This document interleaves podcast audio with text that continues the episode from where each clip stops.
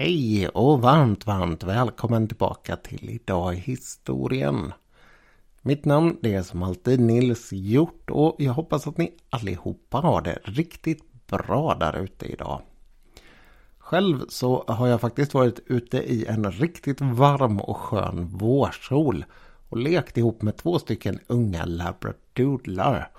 Och sämre än sådär, det kan man ju faktiskt ha det. Det är få saker faktiskt som jag tycker så bra om som hundar.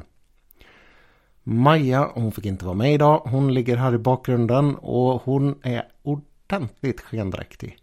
Hon, eh, ja, är sådär riktigt omöjlig för tillfället. Så om hon har några konstiga ljud för sig idag så vet ni varför. Idag så tänkte jag prata om någonting som tillhör det värsta man kan råka ut för när man håller på och arbetar med historia. Det är lögner och historieförfalskning. Och jag ska ta ett exempel på det här som ligger mig alldeles särskilt varmt om hjärtat faktiskt. Dels därför att det är ett väldigt renodlat exempel på hur och varför man kan hålla på och förfalska historia. Men också därför att personen som det här handlar om är en person som är väldigt lätt att känna en stor sympati för. Eh, alltså i den sanna versionen av hennes liv. Sättet som jag kom i kontakt med Klara Immervar eller Klara Haber som hon faktiskt egentligen heter. Eh, det var när jag skrev den här boken Dramatiska damer ihop med Maria Persson. Och vi valde att ha med Klara Immervar egentligen mest för ursprungshistorien och sen hittade jag att det här, det stämmer ju inte alls. Men och att det egentligen då finns en bättre historia i det där och att det kanske finns en historia som är lättare att ta till sig. Jag ska försöka gå i mål här först med den ursprungliga berättelsen innan jag börjar prata om vad man kan komma fram till när man jämför de här olika historierna och vad hennes historia kan berätta om historieskrivning och om våra liv förr i tiden. Klara hon föddes och växte upp i en stad i Tyskland som heter Breslau och som inte finns längre egentligen. Det här är ju en stad som ligger i västra Polen idag och heter Wroclaw. Som sådan så är ju faktiskt staden kvar, det är den och det är fortfarande en stor stad. Men den har förlorat hela sin tyskhet och den har dessutom en väldigt udda polskhet. Allt det här det beror såklart på andra världskriget och den här staden Breslau. Jag kommer använda det tyska namnet idag därför att vi pratar om den under den tiden som det är en tysk stad. Men ha det i åtanke. Det här är en stad som alltså idag heter Wroclaw och ligger i Polen. Ehm, det som händer efter andra världskriget är ju att man flyttar den tysk-polska gränsen längre västerut. Man drar den längs med två stycken floder som tidigare har runnit genom Tyskland som heter Oder och Neisse. Och då hamnar Breslau i Polen. Det man dessutom gör det är att man slänger ut alla tyskar som har bott där. Och istället så fyller man på med folk som kommer från östra Polen eller de områdena som blev delar av andra länder efter andra världskriget. Så det finns alltså folk som bor här som är före detta vitryska och ukrainska. Och det här gör ju att det blir en ganska konstig eh, sammansättning. Det är inte sådär jättedjupa rötter som folk har här alltid. Eh, trots det så har man skött om staden väldigt väl. Den är uppbyggd så som den såg ut tidigare. Det är en väldigt, väldigt vacker stad. Jag var där för några år sedan och jag måste säga att jag stormtrivdes och vill åka tillbaka. Att de dessutom har en rejält stor hyllning där till Tadeusz Kosciuszko gör ju faktiskt ingenting sämre som kännare av den här podden känner till. Nåväl, vi ska ta oss an Klara istället. Klara hon var född 1870 i Breslau och det här var en stad som vid den här tiden tillhörde Tysklands största. Det var en stad som utvecklades väldigt fort som hade en god ekonomi och som hade ett eget universitet. I den här staden så var det också en av de absolut största judiska befolkningarna i Tyskland. Och Klara, hon var judinna. Hon var judinna på det sättet som var väldigt typiskt för judinnorna i Breslau. Det var nämligen så att judarna i den här staden, de tillhörde liksom på många andra håll i Tyskland en övre medelklass. En övre medelklass som faktiskt på många sätt och vis var väldigt väl integrerad men som fortfarande höll sig ganska mycket för sig själv och som hade några speciella särdrag. Ett av de här särdragen det var en väldigt, väldigt stor betoning på utbildning. Så Klaras pappa, han var kemist. Han jobbade med, om jag inte minns helt fel här, färgning och ja, tyger, mattor och sådana här saker. De hade ett stort boende inne i stan och de hade en stor gård utanför stan. Och där växte Klara upp ihop med sina bröder. De gjorde goda karriärer med goda utbildningar och pappas kontakter och pengar. Det gjorde såklart att allt det här gick mycket lättare. Det som sen händer är det som börjar hela den här historien med historieförfalskning. Och historien som jag kommer berätta nu här en stund, det är alltså den falska versionen av Klara Immervars liv. Tyvärr också den som har fått den största spridningen. Därför att det som händer det är att Klara hon börjar studera. Hon gör det väldigt målmedvetet och hon går i princip så långt man kan som kvinna vid den här tiden i Tyskland. Det innebär alltså att hon går klart den grundläggande skolan och när hon har gjort det så börjar hon på lärarseminariet eller lärarinneseminariet. Den här utbildningen den liknar den som väldigt många borgerliga flickor och kvinnor fick i Sverige i, vid samma tid. Det fanns här i min hemstad faktiskt en skola som hette den Storkenfeldtska som var en liknande sak. Men när Klara är klar här och så här mycket så är vi fortfarande på den sanna delen av historien så bestämmer hon sig för att också ta en gymnasieexamen. Och det här var någonting man kunde göra som privatist vid den här tiden. Vad det innebär, det innebär alltså att hon tar en gymnasieexamen utan att gå gymnasiet. Därför att den märkliga lösningen som fanns vid den här tiden, det var att kurserna på gymnasiet, de var stängda för kvinnor. Men examen, alltså att gå iväg och göra examensproverna, det var öppet för kvinnor. Och Klara, hon hade bestämt sig för att klara av det här. Hon läste allting som privatist då som sagt. Och sen så gick hon iväg och klarade med bravur alla de här proverna. Och det som en gymnasieexamen egentligen betyder här det är ju att man får rätten att läsa på universitet.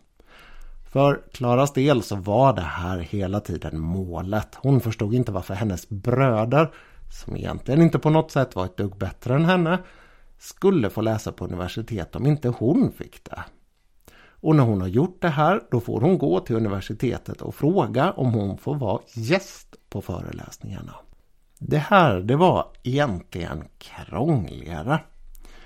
Därför att för att Klara skulle få läsa, och det hon ville läsa det var kemi, det kan vi säga redan nu. För att hon skulle få läsa så behövdes det dels föreläsarens tillåtelse. Dels så behövdes det fakultetens eh, tillåtelse. Men det behövdes också att hon hade med sig ett antal karaktärsvittnen och det behövdes att hon hade bevis för att hon hade gott uppförande. Så en väldig massa myndigheter, kontor och viktiga personer i staden fick på olika sätt och vis uttala sig och säga att den här unga Klara Immervar var en god person som nog skulle få komma in och titta på föreläsningen som gäst. På insidan av universitetet så var man betydligt mer välkomnande än vad det kan verka när man hör alla de här dumma reglerna. Där inne så fick hon faktiskt väldigt goda vänner i sina föreläsare och bland sina kurskamrater. I takt med att hon förstod att hon skulle klara av att bli kemist, att den här vägen alltså låg öppen för henne om än att den var väldigt krånglig, så började hon att umgås väldigt mycket med två unga män som hette Richard Abeg och Otto Sakur. De här två de hade en bakgrund som var ganska lik hennes egen men de var rätt mycket yngre. Det hade ju inte tagit lika lång tid för dem att komma hit. De hade ju inte behövt ta omvägen via lärarinne eh, seminarium och sådana här saker. Och alla tre de var väldigt, väldigt duktiga. Precis omkring 1900-1901 Alltså samtidigt som Oscar Wilde går ur tiden och det är boerkrig i Sydafrika och sådana här saker. Så blir Klara disputerad kemist. Hon är den första kvinnan i staden som får kalla sig för doktor. Och det här det är en väldigt, väldigt stor framgång. Självklart en milstolpe i stadens och kvinnohistorien. Hon kommer efter det här att ge sig iväg på en konferens. Och det som är spännande här nu att tänka sig det är att även om hon har klarat av det här och hon har gjort någonting som är en väldigt stor bedrift så har det som sagt tagit väldigt, väldigt lång tid. Klara var ju född 1870 och det betyder alltså att hon är 31 år gammal vid den här tiden. Rickard och Otto de är ungefär 10 år yngre och så såg det ut vid den här tiden. Även om utbildningar började öppna sig för kvinnor och det fanns sådana här riktiga avantgardister som eh, Klara som eh, gick i bräschen för att verkligen ta plats och eh, gå de här utbildningarna, slåss för möjligheterna. Så var det inte sällan så att man betalade priset i att saker och ting blev krångligare och tog längre tid. Så här långt så är vi alltså fortfarande inne på en historia där båda delarna passar ihop. Hon hamnar på en konferens som sagt och det är den första vetenskapliga konferensen som hon åker iväg på som doktor alltså. Där träffar hon en man som heter Fritz Haber och det är en man som har nästan en blå kopia av hennes bakgrund. Han är också från Breslau, han är också född omkring 1970. De har på många sätt och vis träffats och mötts i olika eh, ja, kulturella eh, sammanhang kring judiska ungdomar och ja, barn och ungdomar. Han är också jude med andra ord. Och han har också pluggat till kemist och blivit en väldigt, väldigt framstående kemist. Någonting som liknar tycke uppstår och ett år senare så är Fritz och Klara gifta och har fått en son. Den här sonen han är sjuklig och den här förlossningen, graviditeten och förlossningen den har väldigt kraftigt påverkat Klaras hälsa. Det kommer också att göra hennes liv väldigt, väldigt mycket svårare. Och det är här som historien om hennes liv börjar glida isär i den sanna och den osanna versionen. I den osanna versionen, den kända versionen, den som man oftast stöter på om man läser om henne, så kommer Klara härifrån att balansera sitt liv mellan den här maken som blir en enormt känd kemist några år senare. Och sitt eget liv som kräver en hel del tid utanför arbetstid. Vad som händer är ungefär följande. Fritz har stora framgångar som kemist och det, det har Klara också. När första världskriget börjar så kommer Fritz att ge sig direkt in i ett samarbete med armén och där så utvecklar han gas. Gas som man tänker använda i armén för att anfalla med. Ni vet hur det där har fungerat och hur det framförallt kanske användes under första världskriget i Europa. Det var Fritz som var en av de stora i att utveckla det här och han var dessutom med och såg till på plats att det fungerade som det skulle. För hans fru, och det här är alltså versionen som inte stämmer, så blev det här ett väldigt stort aber. Därför att hon var en inbiten pacifist. Hon var en inbiten feminist.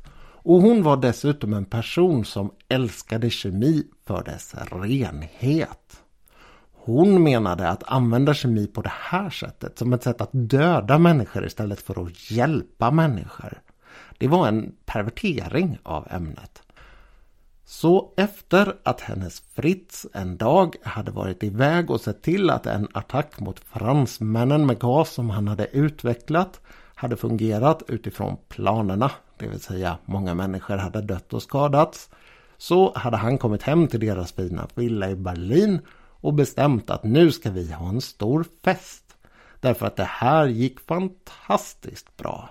Och under den här festen så tar Klara och greppar chansen att eh, ja, lämna ett ordentligt avtryck för det hon står för. Hon tar sin makes tjänstevapen, går ut i trädgården och skjuter sig själv rakt igenom hjärtat efter att ha förklarat att man gör inte så här med kemi och jag gillar inte krig. Klara faller sen i hyfsad glömska och så börjar man skriva ordentligt mycket om henne några decennier. Den här historien tyckte vi var intressant att ha med i den här boken som sagt. Just därför att den är så otroligt renodlad. Två personer med samma bakgrund, samma intressen och som faktiskt sysslar med samma sak livet igenom väljer två helt olika vägar och det leder till en ytterst dramatisk konsekvens när den ena står upp för sin moraliska övertygelse. I verkligheten så visade det sig dock att det absolut inte hade gått till så här. Och det märkliga det är att när jag letade så tog det väldigt, väldigt lång tid innan jag hittade att det faktiskt var bluff.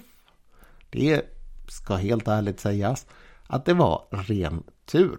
Min fru hon är bibliotekarie och hon jobbar på högskolan här i Jönköping med att utbilda folk i vad som brukar kallas för informationskompetens. Alltså var man ska leta efter information och vilken information man ska leta efter. För min del en ovärderlig hjälp. Hon har hjälpt mig att hitta saker i databaser som jag absolut inte hade lyckats hitta själv. Och när vi satte igång att skriva på den här boken så var det ju såklart fantastiskt att ha någon hemma som kunde hjälpa till på det här sättet. Och när jag satt och letade olika artiklar kring... kring nu går det bra. Kring Klara här hemma. Så hittade jag en nyskriven, eller hyfsat nyskriven artikel. Ehm, det här måste alltså ha varit på våren 2019 och den här artikeln var från 2016 eller möjligen publicerad 2017. Det rörde sig om två stycken historiker som var anställda vid samma institut som Fritz Haber, alltså Clara Immervars make, hade arbetat på. Och som hade satt sig ner och gått igenom och kollat vad vet vi egentligen om den här hustrun. Och vad kan vi hitta för intressanta kunskaper om henne? De var ju såklart införstådda med just den här historien som jag precis har berättat. En kvinna som blir mer och mer, eh, vad ska vi säga, desillusionerad av sin makes krigiska övertygelse och som till slut begår självmord utifrån sina egna principer om feminism, pacifism och ja, rättvisa på olika sätt och vis.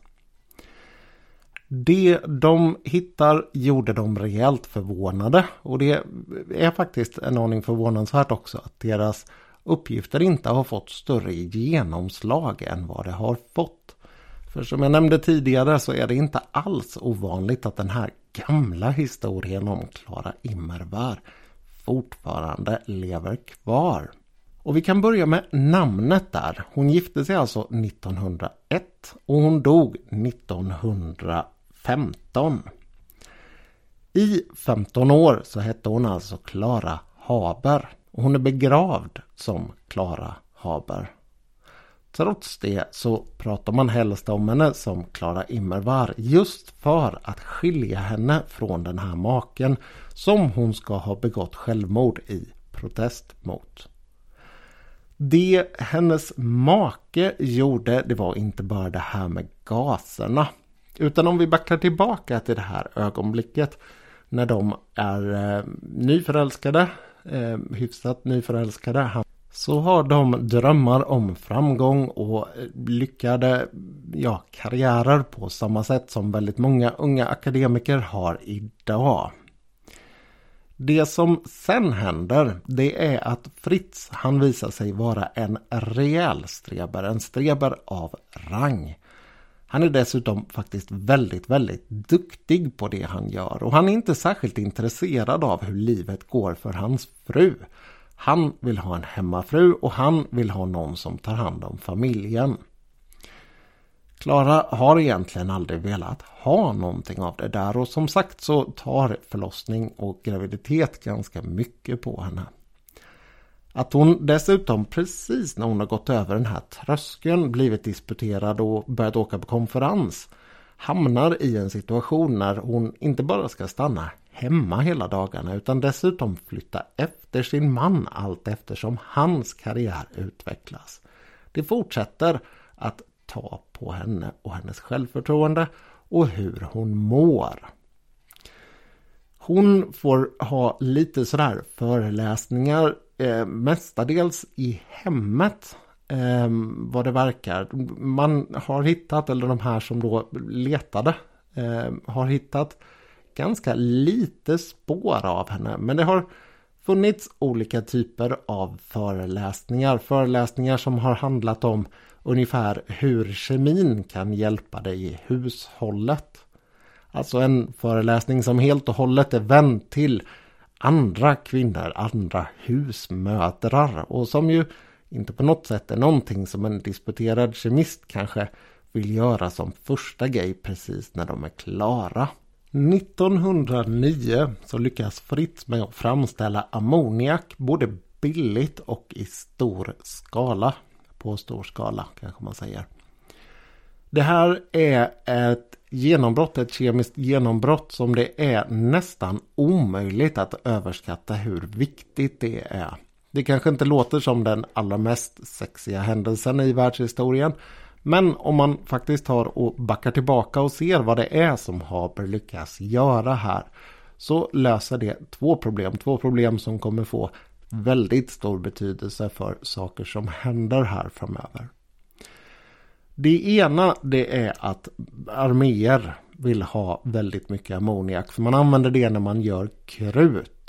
Så för att kunna framställa olika typer av patroner och granater och gud vet vad så behöver man väldigt mycket ammoniak.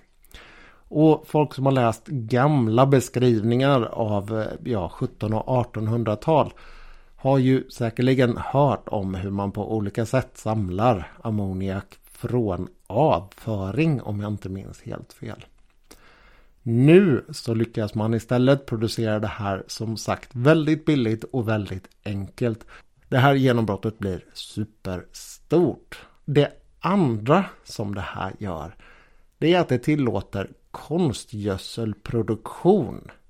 Och det här är ju någonting som har en betydligt större eh, betydelse för eh, vad heter det, mm, att kunna producera mat direkt i vardagen för människor. Och idag så räknar man med att konstgödsel som på sitt sätt är beroende av den här då ammoniakprocessen, ammoniaktekniken som man är med och tar fram. Eh, står för kanske omkring en fjärdedel eller alltså är inblandat i en fjärdedel av matens världens matproduktion. Det är alltid svårt att veta hur man ska värdera sådana där siffror när man läser det. Um, en av de siffrorna jag såg när jag läste om Fritz Haber inför det här med arbetet med boken då. Det var att en sjundedel av jordens befolkning skulle kunna tacka honom för att de ens fanns. Jag är inte på något sätt och vis i en position där jag kan avgöra hur pass sant det där är. Men som sagt, det är väldigt svårt att överskatta hur otroligt viktigt just det här genombrottet var. Dels för att kunna tillverka krut i stor skala och dels för att kunna tillverka gödsel och därmed mat i väldigt, väldigt stor skala. Fritz kommer också få ett av de rejält omdebatterade Nobelpriserna för det där senare. Och det där är också känt för att en av dem som var med där vägrade skaka hand med honom. Just för att han hade varit med och utvecklat de här gaserna som jag pratade om innan som användes i gaskriget i första världskriget. Samma år som han gjorde det här, samma år som han blir en superkändis och fruktansvärt rik på det här, så summerar eh, sitt äktenskap i ett väldigt, väldigt öppenhjärtigt brev till sin vän Richard Abeg. Och hon skriver rakt upp och ner där att det som Fritz har vunnit har jag förlorat. Hon beskriver det som att livet har blivit en riktigt mardrömssituation och att hon inte på något sätt lever det sätt och det liv som hon ville. Det var inte det här hon hade hoppats på utan hon har blivit reducerad till en hemmafru med en sjuk son. Hon är med andra ord väldigt, väldigt missnöjd med sitt liv. Och det skulle bli värre här framöver för under de kommande åren så ska hon förlora både Richard Abeg och Otto Sakur. Den ena, han står och arbetar i labbet där i Berlin. De är allihopa i labbet faktiskt vid den här tiden. Ehm, även Fritz är med och på något sätt så går någonting väldigt fel och det han arbetar med exploderar och han dör rakt upp och ner framför ögonen på dem. Enligt ögonvittnesskildringarna så är det faktiskt Klara som är den som fungerar bäst i den här situationen. Fritz han ballar ur ganska rejält av skräck och chock. Och den här andra vännen hon förlorar, han är väldigt intresserad av ballongfärder. Han eh, experimenterar på olika sätt med det där. Och eh, vid ett sånt försök så lyckas han tyvärr då ha sönder en ballong när han är långt uppe i luften och faller rakt mot marken. Och dör såklart när han landar. Hon upplever alltså två väldigt, väldigt stora tragedier med sina bästa vänner. Det som sen händer är att hon eh, märker hur mycket det här med första världskriget tar tag i hennes man. Och hur mycket det förändrar hela det tyska samhället. Fritz, han har vid det här laget avsagt sig på sitt sätt då sin eh, ja, judiska bakgrund. Han har blivit protestant, någonting som behövs för att kunna ha olika typer av engagemang i oh, armén måste det vara. Det kan inte ha spelat någon roll för universitetsvärlden för det gjorde det ju inte när de var i Breslau. Nåväl, eh, han har blivit protestant eh, och han har börjat arbeta då på ett väldigt fint institut och universitet inne i Berlin. Och han ger sig med liv och lust in i att hjälpa armén med kemin. Den här delen av historien är absolut inte osann utan det här är någonting som är väldigt, väldigt väl dokumenterat. Och han är också med på plats i Frankrike för att se hur pass bra det går att använda gas som krigsmedel. Efter att den där attacken har genomförts så blir han befordrad och den här festen som man har i deras stora hem där i Berlin det är alltså en fest som man har därför att han har blivit befordrad och inte så som det ibland framställs för att man har gjort en lyckad gasattack. Jag kan tycka att det finns en väldigt viktig skillnad i varför man har den här festen och därför är det faktiskt värt att nämna det. Och det som har hänt också det är att Klara hon har arbetat väldigt väldigt mycket med att hjälpa till att ta hand om barn vid den här tiden. Därför att väldigt många män gav sig ju givetvis iväg och slogs i första världskriget. Och därför så finns det ett väldigt underskott på personer som på olika sätt och vis kan göra det som de i vanliga fall gjorde. Så för Klaras del så har livet varit trött, sjukt, slitsamt. Missnöje, dels för det här att hon inte har lyckats eh, ja, få den karriär hon ville. Dessutom så har hon sett två stycken goda vänner dö och så nu så har hon blivit någon form av barnvakt och det är krig. Det här vet man därför att det finns sparade brev och hon skriver då om det här till bland annat en forskningskollega utomlands. Och hon tar där upp att hon inte är särskilt intresserad av den här konflikten. Hon förstår inte särskilt mycket av det och hon vill absolut inte hålla på och lägga sig i det. Kort därefter då när den här festen är så är det någonting som rinner över och det är inte helt och fullt klarlagt. Men efter hennes död så kommer Fritz att eh, ha en annan kvinna. Jag vet inte om de gifter om sig eller om de lever i någon form av annan relation.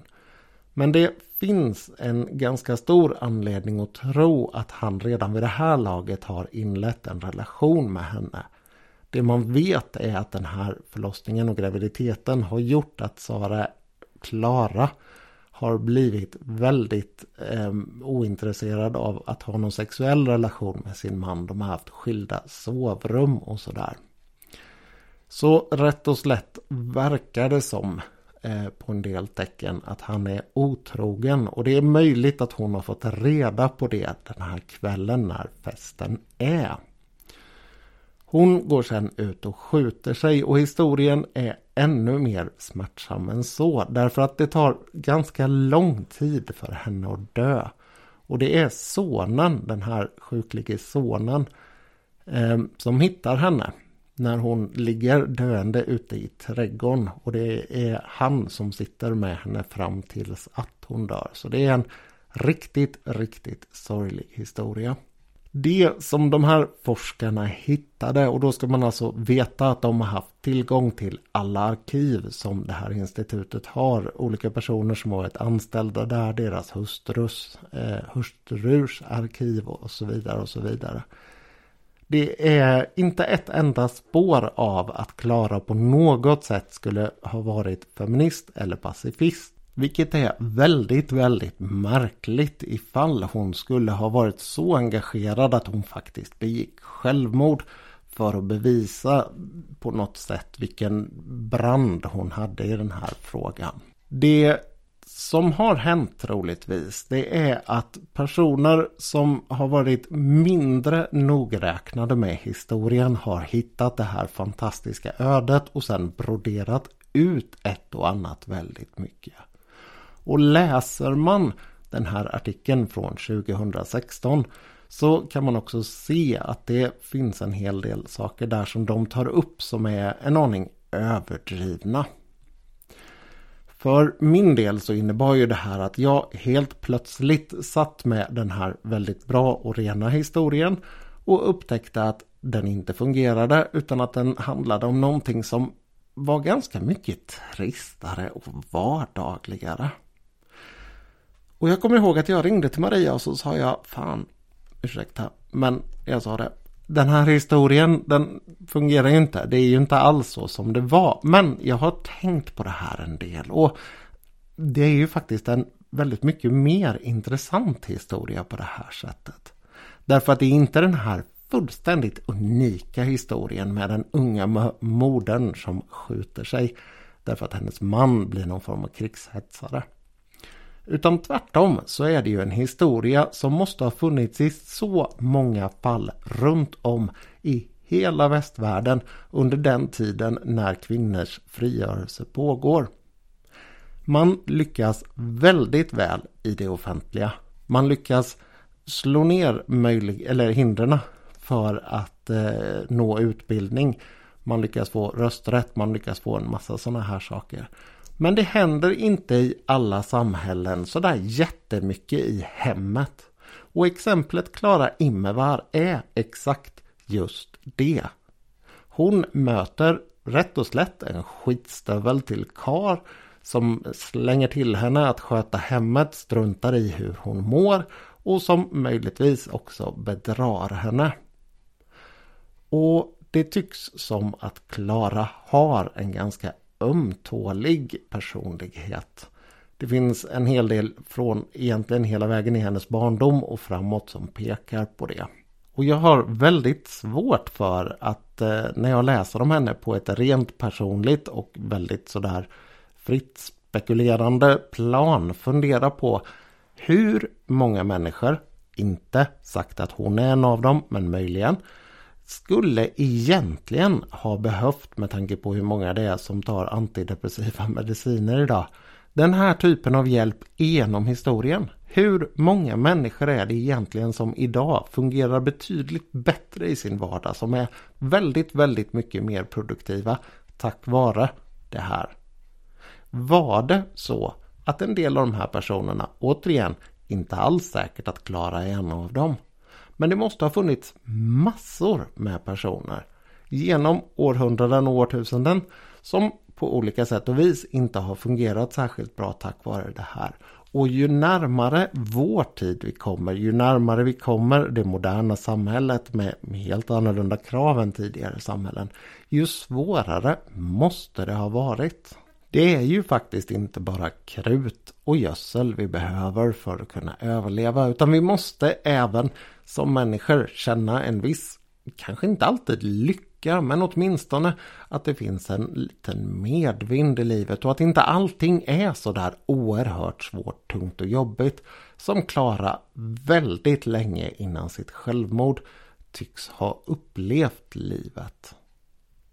Och vilken anledning hon än hade att göra det där så är det faktiskt väldigt smärtsamt, precis som jag sa i början av podden, att inte bara känna en väldigt, väldigt stor empati med denna starka och minst sagt begåvade kvinna.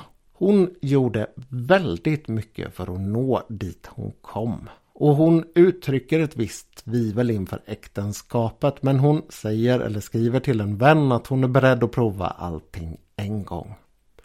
Och det leder henne helt fel. Oavsett vad det var som gjorde att hon hamnade där hon hamnade så finns det i den här historien en, ja, väldigt betungande berättelse om en människa som kanske hade varit väldigt, väldigt lätt att hjälpa idag. Och i det så var hon nog tyvärr inte unik. Någonting som jag faktiskt tycker att det är värt att tänka på. De hinder som fanns förr i tiden, det var inte bara någonting som den och den gruppen hade ställt upp mot den och den gruppen. Utan ovanpå alla de här konstigheterna som historien ständigt visar sig innehålla så fanns det en väldigt mycket svårare vardag för väldigt många. Nu känns det nästan som att jag drog ner den här historien till en nivå där solen utanför fönstret förmörkades. Så det är väl faktiskt dags att ge sig och istället gå ut och njuta av solen. Jag hoppas i alla fall att det var intressant att eh, höra hur det kan vara när man letar efter sådana här historier. När man letar efter öden som är ett bra sätt. Jag tycker att det är ett fantastiskt bra sätt att berätta om historia. Just att berätta om ett människoliv på det här sättet. Det blir väldigt tydligt när man pratar om Klara i båda versionerna av hennes liv fast allra helst då såklart alltid i den sanna hur eh, alla de här händelserna som sker kring kvinnors och mäns olika sätt att leva och leva tillsammans och möjligheter man har eh, förändras precis där kring sekelskiftet 1900. Och vad det är som driver oss som människor och hur vi faktiskt fungerar som människor. Och att man absolut inte får glömma att de här stora portalfigurerna i historia Klara Imvar är inom kvinnohistoria ett väldigt, väldigt känt namn. Ehm, man får inte glömma att de också hade en vardag och att den här vardagen spelade en väldigt, väldigt stor roll för dem. Och att saker och ting faktiskt inte alltid är så enkla som att hon blir förbannad på sin man för att hon tror på rättvisa och fred och går och skjuter sig.